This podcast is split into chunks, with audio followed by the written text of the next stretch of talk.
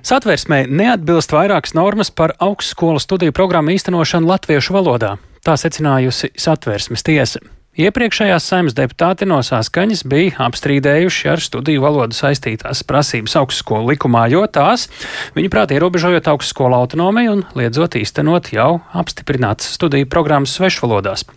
Apstrīdētās normas tagad tiesa atzinusi par spēkā nēsošām no nākamā gada 1. jūlija. Līdz tam liekot saimai labot kļūdu, jeb citiem vārdiem līdzsvarot uh, aizsargāšu valsts valodas aizsardzību augstākajā izglītībā ar augstskolu autonomiju un mācību spēku akadēmisko brīvību. Un šajā lietā šodien iedziļinājās kolēģe Sintija Ambote. Sveiki, Sintija! Kas ir tas svarīgākais, kas mums būtu jāsaprot no satversmes tiesas sprieduma? Jā, sveiks tāli, sveicināt radio klausītāji. Iepriekšējās saimnes deputāti kopumā 20, tātad saskaņieši jau atkārtoti apstrīdēja augstskolu likuma normas, kas ierobežojot augstskolu mācību spēku brīvību izstrādāt un docēt studiju kursus svešvalodā.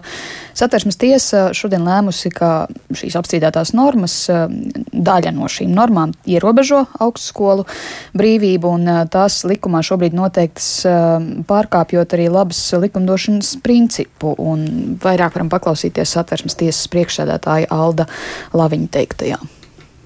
Regulējot studiju programmu īstenošanas valodu, tiek ierobežota mācību spēku akadēmiskā brīvība, tostarp brīvība izvēlēties, kādā valodā komunicēt ar studējošiem studiju procesā. Satversmes tiesa jau iepriekš ir atzinusi, ka ierobežojums izstrādāt un docēt studiju kursus svešvalodās uzskatāms par satversmes 112. pantā kopsakarā ar 113. pantu ietvertās mācību spēku akadēmiskās brīvības ierobežojumu.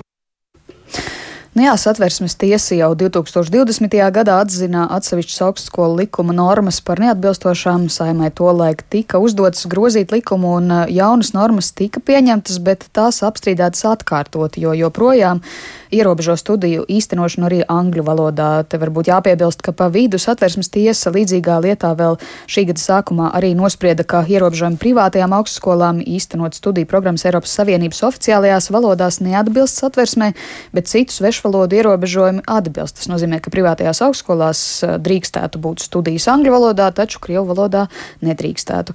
Eh, bet par šodien pasludināto spriedumu varam vēl paklausīties vienu no prasības iesniedzēju Boris Cileviča viedokli par šobrīd likumā noteiktajām norma, normām, kuras tad ir apstrīdētas?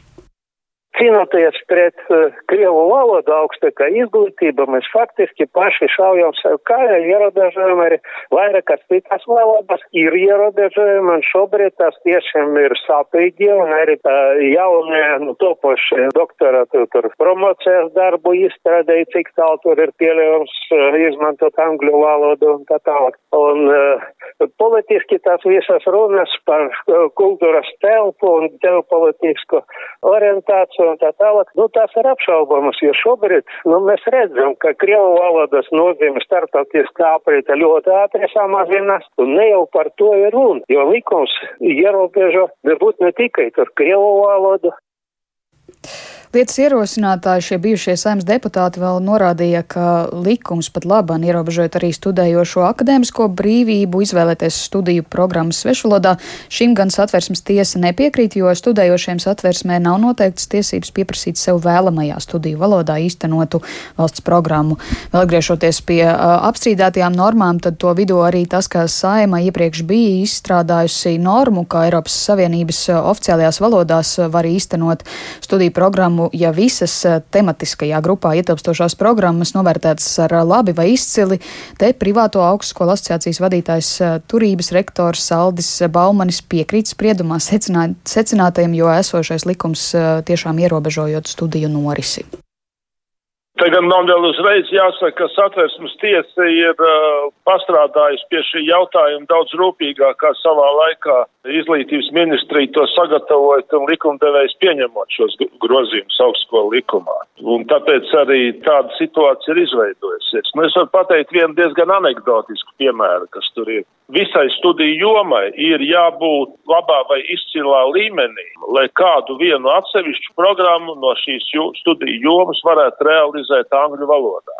Ne katru reizi, katru programmu, kas tiek uzsākta, viņa arī latviešu valodā uzreiz strauji attīstās. un tai sākuma posmā tie vērtējumi tur, tur var būt dažādi arī pilnīgi objektīvi. Bet tāpēc apturēt visu studiju jomu priekš ārvalstu studentiem, tas tāds dīvains lēmums bija no likumdevēja puses.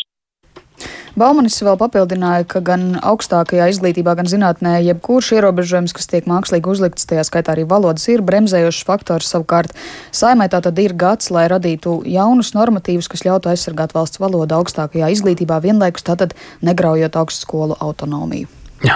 Nu, šeit svarīgi ielāgot, ka satvērsmes tiesas spriedumi ir nepārsūdzami. Nu, tā tad atgādinājums satvērsmēji neatbilst vairākas normas par augstskolu studiju programmu īstenošanu tieši latviešu, tikai latviešu valodā. Tā secinājusi satvērsmes tiesa. Paldies Sintijai Ambotei. Mēs